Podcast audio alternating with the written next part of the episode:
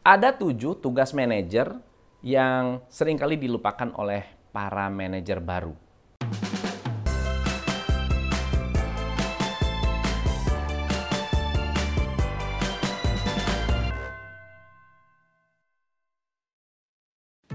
Video ini dipersembahkan oleh Kospin Sumber Rizki, solusi dana multiguna, cepat, ringan, dan mudah. Manajer memiliki tugas yang spesifik.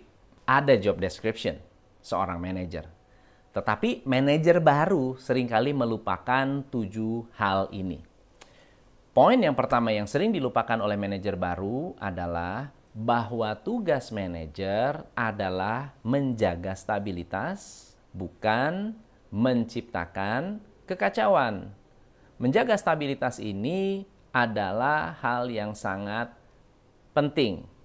Kalau ada customer komplain, pasti Anda menenangkan customer. Tapi kalau ada karyawan yang komplain, sering kali kita bukannya memberi solusi atau menenangkan, tapi justru malah lempar ke atasan yang lainnya. Atau bahkan Anda ikut memicu kekacauan. Dan ini adalah hal yang kurang sehat. Yang kedua, yang sering kali dilupakan oleh para manajer adalah tugas Anda adalah membimbing. Jadi, manajer harus lebih pinter dari anak buah. Nah, kebanyakan manajer yang lepas tangan, masa bodoh, kemudian tidak mau tahu dan akhirnya membuat karyawannya bingung. Loh, ini ada manajer kalau saya tanya apa-apa kok nggak ngerti. Nah, seorang manajer baru harus mau cari tahu, harus mau belajar, harus mau membina Membina itu butuh knowledge, membina itu butuh pengetahuan. Jadi nggak boleh salah uh, belajar, tidak boleh Anda berhenti belajar. Yang ketiga, seorang manajer baru harus paham struktur organisasi.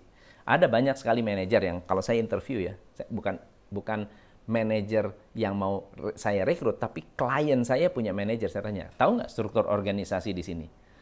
Saya tahu pak, tapi saya bingung. Itu manajer senior loh apalagi manajer baru. Nah, seorang manajer baru harus tahu ke mana Anda harus bertanya kalau ada masalah. Karena tim Anda pasti akan tanya, Pak, saya ada masalah ini, Pak. Saya mesti nanya sama siapa? Nah, kalau Anda nggak ngerti struktur, gimana Anda mau paham chain of command? Yang keempat adalah seorang manajer baru harus paham timetable. Timetable perusahaan. Perusahaan ini kapan sih ada training? Perusahaan ini kapan sih ada conference? Perusahaan ini kapan sih ada uh, reporting? perusahaan ini kapan sih harus melakukan yang namanya yearly planning? Harus ada timetable. Dan kalau Anda manajer nggak tahu timetable, that's a problem. Yang kelima adalah tahu rules of the game. Bisnis itu bisa bertahan stabil jika rules of the game ditegakkan oleh manajer. Nah, banyak sekali manajer yang tidak paham rules of the game. Di sini aturan mainnya kayak gimana sih, Pak? Di sini uh, cara kerjanya gimana sih, Pak? aturan mainnya seperti apa, Anda nggak paham, that's a problem. So tugas Anda, coba cari tahu, ada nggak peraturan perusahaan. Kalau belum tahu, Anda minta ke HRD Anda tentang peraturan perusahaan yang ada di perusahaan ini. Jadi Anda tidak salah dalam menghukum anak buah. Yang keenam adalah memahami alat bantu dan fasilitas kantor. Alat-alat yang ada di kantor ada banyak, ada komputer, ada fax, ada telepon, ada mungkin radio, ada televisi, ada CCTV, ada banyak hal.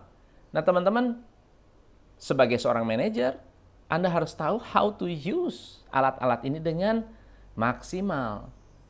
Software apa yang dipakai, yang digunakan, yang membuat Anda efisien, kalau alat-alat bantu ini tidak dipakai, ada banyak sekali bukan hanya manajer loh. Bahkan ada banyak leader-leader yang menolak untuk menggunakan teknologi. Bahkan ada perusahaan yang memiliki business coach. Anda harus manfaatkan ilmu mereka karena business coach itu orang pintar. Walaupun penampilannya biasa, tapi mereka banyak orang pintar. Dan mereka bisa membantu para manajer naik kelas. Dan itu merupakan alat bantu yang bisa Anda gunakan untuk membuat bisnis Anda berkembang. Finally, seorang manajer harus pegang KPI, Key Performance Indicator yang Anda kendalikan, yang Anda kontrol, dan Anda pastikan tercatat, tercapai. Ya, kalau tujuh hal ini manajer baru bisa pahami, bayangkan ya, lalu kemudian Anda sebagai manajer atau Anda sebagai leader, kalau ada manajer baru kasih video ini dan biarkan mereka memahami dan mendapatkan strategi untuk membuat manajer-manajer baru ini menjadi orang-orang yang lebih hebat. Oke, okay. so semoga bermanfaat. Share ke para manajer Anda. Saya Tom MC Ifle. Salam pencerahan. Hanya di Top Coach Indonesia.